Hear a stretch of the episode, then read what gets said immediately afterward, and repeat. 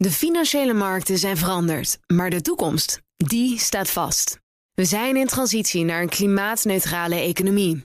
Dit biedt een van de grootste investeringskansen van onze generatie. Een kans voor u om mee te groeien met de klimaatoplossingen van morgen. Meer weten? Ga naar carbonequity.com. Carbon Equity. Do good by investing better. Beleggerspanel. De maaltijdbezorgers van Deliveroo profiteren mee bij de onlangs aangekondigde beursgang. Is dat een mooi gebaar? Probeert Deliveroo de reputatie op te krikken, krikken. En de koers van Tesla kende de afgelopen zes weken een recorddaling.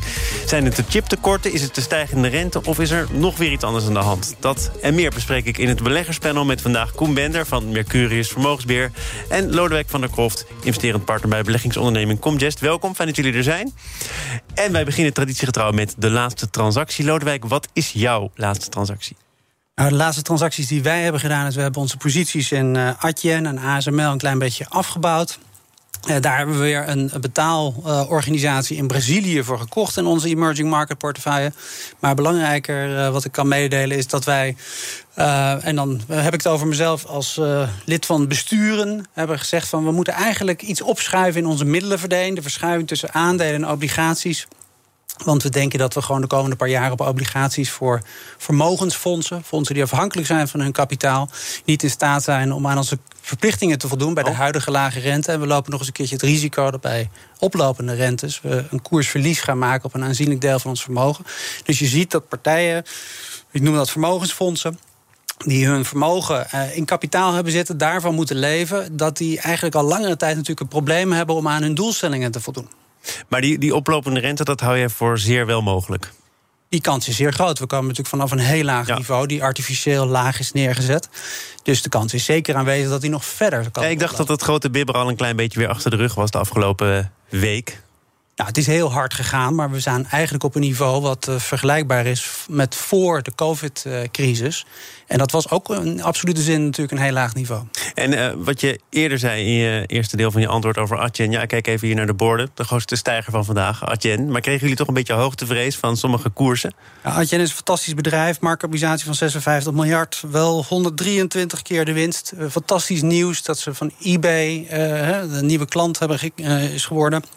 Maar het is wel 150% op de koers het afgelopen jaar gegaan. Dus als je zoiets in portefeuille hebt en de positie wordt op een gegeven moment wat groot, dan schaaf je daar wat van af zonder dat je daarmee afbreuk doet aan je beleggingscasus. Koen, wat uh, heb jij ondernomen de laatste tijd? Wij hebben begin februari uh, de, een, eigenlijk een rebalance gedaan. Die doen we uh, vier keer per jaar bij Mercurius. Dat betekent dat we datgene wat hard opgelopen is afromen... en datgene wat uh, achtergebleven is weer een beetje ophogen. Daar hebben we gewoon vier keer per jaar voor neergezet... om die discipline te hebben en ons niet te laten afleiden door de krantenkoppen van de dag. En ja, met de kennis van nu uh, kwam dat uiteindelijk niet zo heel erg slecht uit. Want de technologie was heel hard opgelopen. En hebben we dus verplicht uh, voor onszelf een beetje afgeroomd. En uh, sectoren die wat achtergebleven waren, die zijn weer wat verhoogd. Dus uh, ja, daar, daarmee voorkom je niet dat je in, een, in een portefeuille die veel technologie in zich heeft, toch een stapje terug doet. Maar je komt wel weer terug naar. je roomt in ieder geval je winsten dwangmatig af. En die vier momenten die heb je al van tevoren geprikt? Of kijk je toch nog een klein beetje naar het sentiment? Nee, dat doen we in, in februari, in mei, in uh, juli en in november. Dus dat. Uh, ja. Laten we uh, kijken naar een bedrijf dat het de afgelopen maanden heel goed gedaan heeft. Kan bijna niet anders. Maaltijdbezorger Deliveroo maakte afgelopen donderdag bekend naar de beurs te gaan in Londen. Dat zijn eigenlijk uh, twee interessante feiten, namelijk en naar de beurs en ook nog eens in Londen. Kwam dat Koen voor jou als een verrassing? Nee, ik denk dat dit toch wel redelijk in de lijn der verwachting lag dat ze dit wilden doen. Uh, nu is ook het moment. Ze hebben natuurlijk een fantastisch jaar achter de rug. Alhoewel er toch nog aardig wat geld bij moest. Uh, Zo'n 300 miljoen uh, verlies. Maar, hoe, ja, hoe kan dat eigenlijk? Want ja, winst is een keuze en je moet blijven investeren. Je moet mee kunnen. Maar als je zo'n jaar hebt, dat je dan toch nog met rode cijfers geconfronteerd wordt. Nou ja, als je ontzettend veel investeert in, in, in groei en uh, nieuwe markten, ja, dan, en, en proberen te verkrijgen van marktaandeel, ja, dat gaat met uh, geld gepaard. Uh, dat, dat hebben heel veel bedrijven natuurlijk jarenlang gedaan. Just Eat, hetzelfde verhaal. Maar het is Amazon, toch geen absolute nieuwkomer? Deliveroo draait toch al een tijdje mee? Nou ja, het bedrijf is opgericht in 2013, gaat dadelijk voor 10 miljard naar de beurs. Dat vind ik toch nog steeds een hele knappe prestatie voor een bedrijf bedrijf dat uh, nog geen tien jaar oud is. We hebben het over acht jaar. Uh, wat anders wat in het uh, oog sprong, is dat zij gaan proberen via een speciaal thank you fund. de maaltijdbezorgers ook te laten profiteren van deze beursgang. 10 miljard wordt hier genoemd. Hoe interpreteer jij dat? Ja, zoals jij het al uitspreekt. Ik, ik hoorde al wat cynisch. Uh, dat je klonk een beetje cynisch. Dat kan ik niet zijn. En ik zou zeggen dat is helemaal terecht. Want uh, ja, het is natuurlijk hartstikke leuk voor de bühne dat je dat uh, publiceert. Ik denk dat Deliveroo niet een hele goede reputatie heeft als het gaat om de manier waarop ze omgaan met vast en variabel personeel. Ik geloof dat Jitse Groen van Just Eat daar uh, niet zo lang geleden over heeft gezegd dat hij vindt dat eigenlijk meer uh, bezorgers uh, bij zijn bedrijf in ieder geval een vast contract zouden moeten krijgen. En ik denk dat het bod wat hier wordt gedaan aan mensen die tenminste 2000 maaltijden hebben bezorgd en een jaar lang op de payroll staan of als ZZP'er actief zijn geweest. Ja, het bedrag was, ik geloof, 400 pond. Ja, klopt. dat is hartstikke aardig, maar het is niet meer dan dat. Koen, ben je net zo kritisch, cynisch? Deze muur van weerstand, kan je dit doorbreken of niet? Nou ja, kijk, ik, uh, ik vind dit een beetje een discussie van een, glas dat half vol of half leeg is. Uh, er zijn genoeg bedrijven die in dezelfde omstandigheden uh, werken. Neem Uber. Nou, volgens mij heeft de gemiddelde Uber-taxichauffeur bij de beursgang uh, helemaal nul gekregen, ongeacht hoeveel ritten die had gemaakt. Dus Deliveroo hoefde dit niet te doen, maar heeft het wel gedaan. En zo wil ik het dan liever. En ik vind het passend in een discussie waarin dan waarschijnlijk Jitse Groen het voortouw neemt om te zeggen: we moeten zorgvuldiger omgaan met, eh, met de maaltijdbezorgers. Maar het is natuurlijk ook een businessmodel dat in het begin heel erg wankel is en zich dat niet kan uh, uh, veroorloven. Maar moet je dan het risico afwentelen op toch al kwetsbare werknemers of ZZP'ers in, het, in de meeste gevallen? Ja, ik weet niet of je dat risico moet, uh, moet afwentelen. Uh, en of het in die zin ook een direct risico is. Ze hebben ook een opwaartse potentieel erin. En ze worden nu worden ze beloond in, uh, in, in de vorm van wat aandelen. Ja, dat had ook 800 of 1200 ja. kunnen zijn. Ja, dat weet ik niet. Ik vind het gebaar belangrijk. Nou ja, oké, als je het op die manier vergelijkt, niets of iets, dan is iets natuurlijk altijd beter. Maar ik denk dat het helemaal past in de tijdgeest, waarin wordt gezegd: ja, de verschillen tussen arm en rijk zijn te groot. Uh, er zijn veel te weinig werknemers die profiteren van het succes van ondernemingen. Ik meen in het Financieel Dagblad gelezen te hebben dat er toch ook bij supermarktbedrijven wat druk was van goh, doen jullie ook wat eh, voor die medewerkers die de afgelopen jaren eh, zo, zo hard hebben moeten werken onder moeilijke omstandigheden. Uh, supermarktbedrijf Deen heeft uitgesproken dat ze het personeel laten meedelen in de overname die ze hebben gedaan. Ja, ik denk dat het heel goed past in het, in tijdsgevricht. En dan kan je afvragen of dan 400 uh, pond. Of dat dan een ruim gebaar is. Maar ja, goed, daarin zitten we, Lodewijk, in een hele mooie positie. Namelijk als aandeelhouders kunnen wij op de aandeelhoudersvergadering daar uh, uh, vragen over stellen. En het beloningsbeleid ook uh, ter sprake brengen. Dus dan komt het is dat de weg naar voren. Als het een signaal van deze tijd is, komt het veel vaker voor. Ik meen me uit de recente geschiedenis nog Adyen te kunnen herinneren. Waarin ook werd gezegd van de hoogste baas tot de kantinejuffrouw. Iedereen moet hier van mee kunnen profiteren. Ging het daar heel anders dan? Ja, daar ging het zeker heel anders. Maar dat is ook, denk ik, omdat uh, Adyen natuurlijk een heel kennisintensief bedrijf is. Waardoor eigenlijk ja, de belangrijkste assets van Adyen zijn de mensen zelf. Die gaan bij wijze van spreken s'avonds lopen die uh, naar huis terug. De deur uit. En um, ja, daarmee is het wezenlijk anders dan zeg maar, het bedrijfsmodel van, van veel van die bezorgdiensten. Want dat is natuurlijk toch vooral IT gedreven. En ja, de laatste bezorging, dat is eigenlijk het sluitstuk in het proces. Dus niet helemaal daarmee te vergelijken. Ja. Nog even naar, uh, naar het feit dat dit in Londen gaat gebeuren. Want ik begrijp dat het ook iets te maken heeft met de structuur waarvoor Deliveroo kiest. Met twee verschillende categorieën. Uh, ja, dit is beleggerspel, dus het mag wel iets technischer worden. Wat betekent dat, Koen? Dat betekent dat de oprichter, aandeelhouder, die krijgt aandelen waarmee hij veel meer stemrecht heeft dan uh, de gewone aandeelhouder.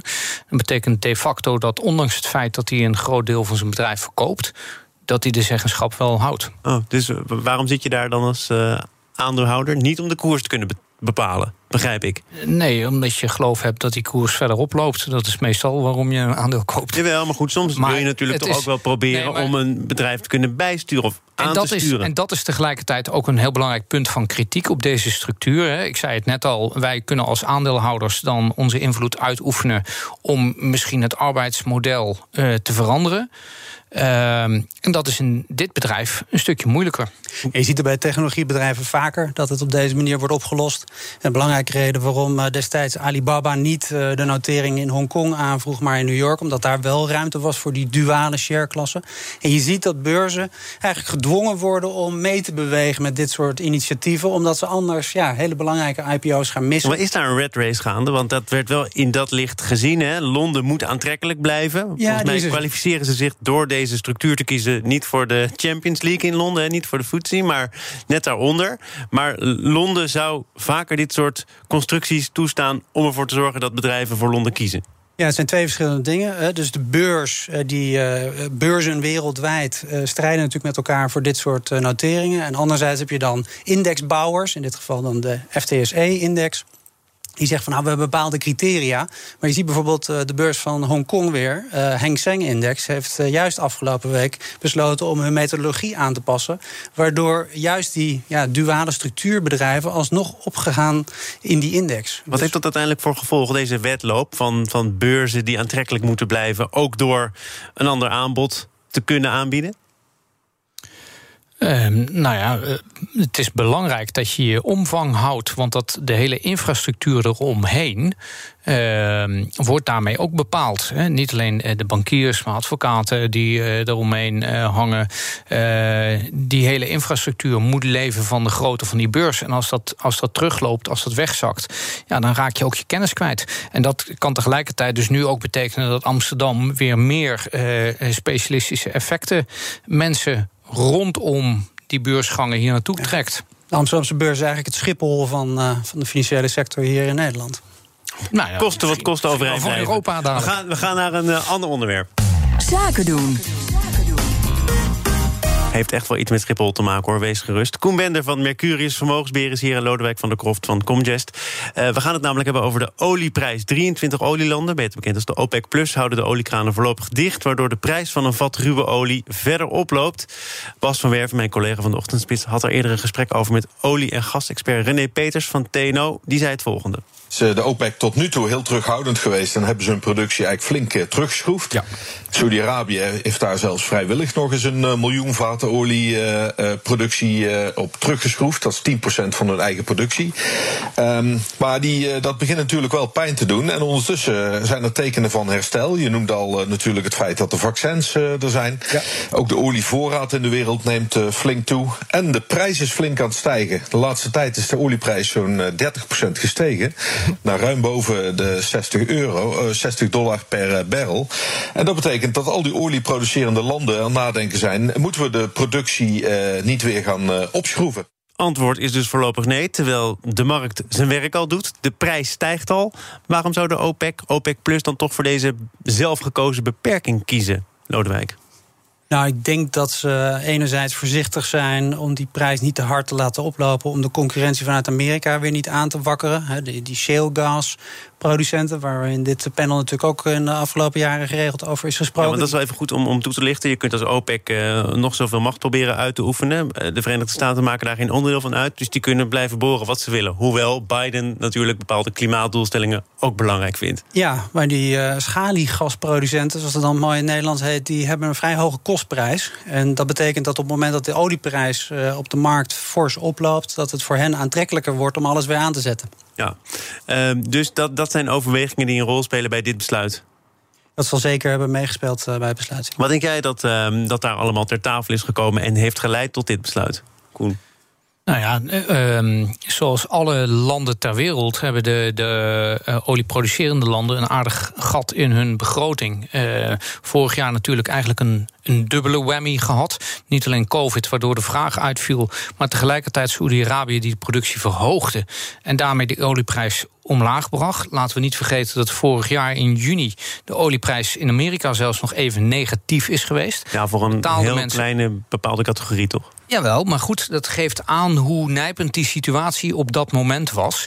Ehm, dat betekent dat eigenlijk al die landen met enorme uh, tekorten zitten op hun begroting. En de enige manier om dat op te, uh, in te lopen is te zorgen dat die olieprijs wat, wat hoger uh, blijft. Er zitten nog heel veel onzekerheden in. Het kan best zijn dat het herstel van het reizen langer duurt dan dat we tot nu toe voorzien hebben, of waar we op hopen. Dat is één onzekerheid waarmee ze te kampen hebben. De andere onzekerheid haalde Lodewijk net al heel erg terecht aan.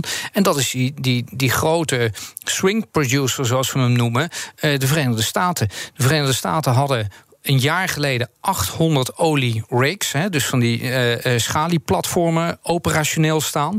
Dat zijn er nu 400 minder. Dat is gehalveerd in een jaar tijd. Dat stabiliseert nu wel. En, en uh, naar alle waarschijnlijkheid mag je verwachten, nu die olieprijs oploopt, dat er ook weer wat schalieproducenten toch weer gaan produceren. Want die zijn heel opportunistisch. En ik kan me heel goed voorstellen dat de Saoedi's voorop zeggen: Nou, we willen dat eerst eens even zien.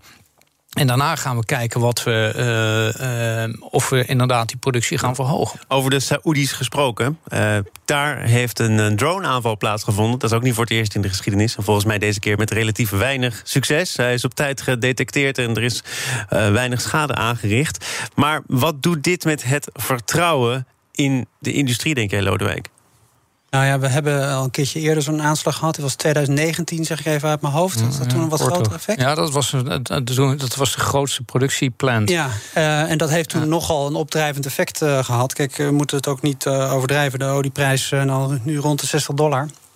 Uh, uh, volgens mij stonden we eind 2019 uh, ook zo rond dit huidige niveau. Dus we hebben net zoals Koen mooi omschreef... een enorme correctie gehad in die olieprijs. Complimentendag? Dat was volgens mij ja, vorige ja, week. Ja, ja. Okay. goed. Um, en zie je dat, dat we eigenlijk weer een beetje... die, die coronaperiode achter ons op dit moment laten. En dat doen we met olie, dat doen we met andere grondstoffen... dat doen we met inflatie. Supercycle. Die, run op grondstoffen, dat kan de beurs nog in beweging brengen. Dat zie je nu al een beetje gebeuren. Ja, je ziet natuurlijk dat uh, alles wat enigszins cyclisch is, natuurlijk uh, in onder verhoogde belangstelling staat van beleggers op dit moment. Wat ook wel weer heel apart is, hè? want als je die rente tegelijkertijd ziet oplopen, dit zijn juist de sectoren die ontzettend veel geleend hebben of moeten gaan lenen en zich helemaal vol met schulden gehangen hebben om het einde van die COVID-pandemie te halen. En eh, ja, als dan die rente gaat stijgen, dan moet je je hart vasthouden als belegger in KLM Air France. Dat moest je al. Maar... Nou, het wordt vooral denk ik nu gezien als een uh, heropening van de economie. Dat is de belangrijkste reden waarom de rente oploopt. Um, dus daarom denk ik dat mensen per saldo enthousiast zijn. En laten we niet vergeten, die koersen van veel van dat soort bedrijven lagen echt helemaal onderuit. Dus het is niet zo mm. raar dat banken 30% eh, zijn gestegen sinds de laatste keer dat ik hier eh, met je stond, eh, Thomas. Het zijn allemaal rimpelingen in de vijver als je kijkt naar Tesla natuurlijk. Nou, kijk, kijk, kijk, structureel blijven veel van die bedrijven gewoon problemen houden. Het is helemaal niet gezegd dat, dat veel van die bedrijven uit de problemen zijn. Want voor deze coronacrisis hadden ze al allerlei structurele, strategische problemen. Of het nou het winkelbedrijf was of financiële sector.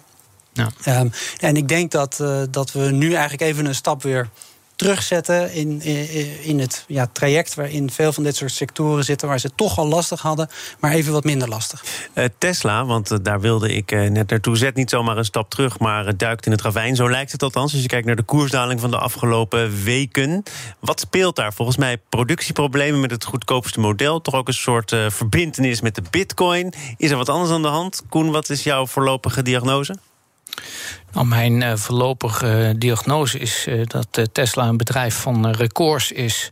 Het is in, in anderhalf jaar tijd van een marktkapitalisatie van 30 miljard naar 880 miljard gegaan.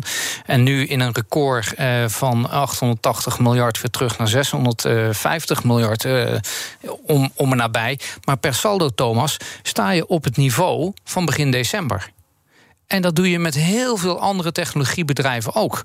Tesla was gewoon het allerhardste van allemaal opgelopen. Daar zijn alle ogen op gericht. Dat is het bedrijf in de technologie sector dat het meeste tot de verbeelding spreekt. En uh, ja, dan schrijft het ook heel makkelijk weg dat het nu het bedrijf is met het grootste verlies ever in een korte periode. Dat klopt ook. Dat komt ook uh, omdat de topman, Elon Musk, die ook nog heel veel aandelen bezit, uh, dat zijn dan tot, tot, voor de, voor, tot de verbeelding sprekende cijfers, 27 miljard dollar heeft verloren op papier. Dat is toch geen klein geld? Uh, nee, dat klopt. Maar geen boterham minder, hoor. Nee, en, en, en, hij had sowieso al afscheid genomen van al zijn bezit een aantal jaren daarvoor. Wat mooi. Uh, waarbij hij, althans zijn fysieke bezit, hè, heeft het wel nog dat, dat geld en, en, die, en in ieder geval die aandelen. Ehm, die een paar jaar geleden nog volledig beleend waren door, door allerlei banken.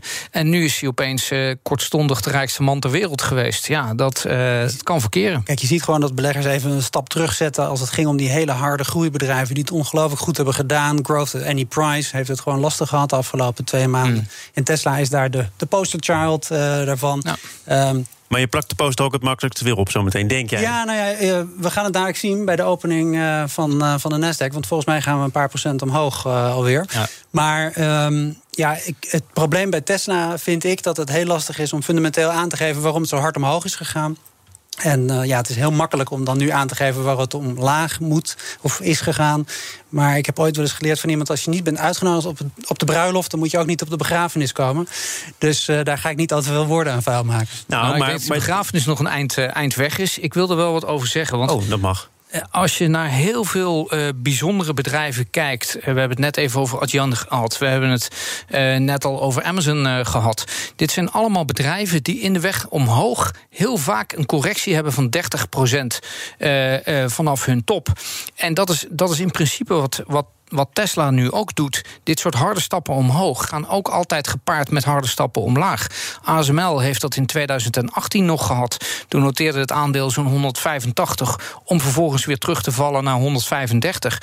Ja, dat, zijn, dat zijn hele heftige klappers die erbij horen, maar dat neemt niet het fundamentele verhaal weg. En dat is, als je nu kijkt naar de koers van ASML, dan is die natuurlijk gigantisch opgelopen.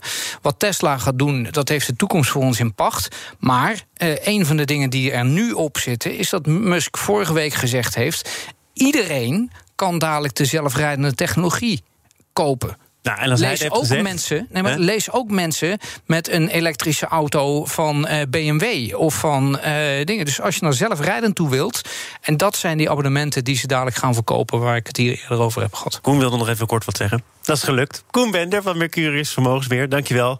En uh, Lodewijk van der Kroft van beleggingsonderneming Comgest. Fijn dat je er was. Straks in BNR Zaken doen een snelcursus pijnmanagement... met de schrijfster van het boek De Verfrissende Smaak van Zure Appels. De financiële markten zijn veranderd, maar de toekomst, die staat vast. We zijn in transitie naar een klimaatneutrale economie. Dit biedt een van de grootste investeringskansen van onze generatie. Een kans voor u om mee te groeien met de klimaatoplossingen van morgen. Meer weten? Ga naar carbonequity.com. Carbon Equity. Do good by investing better.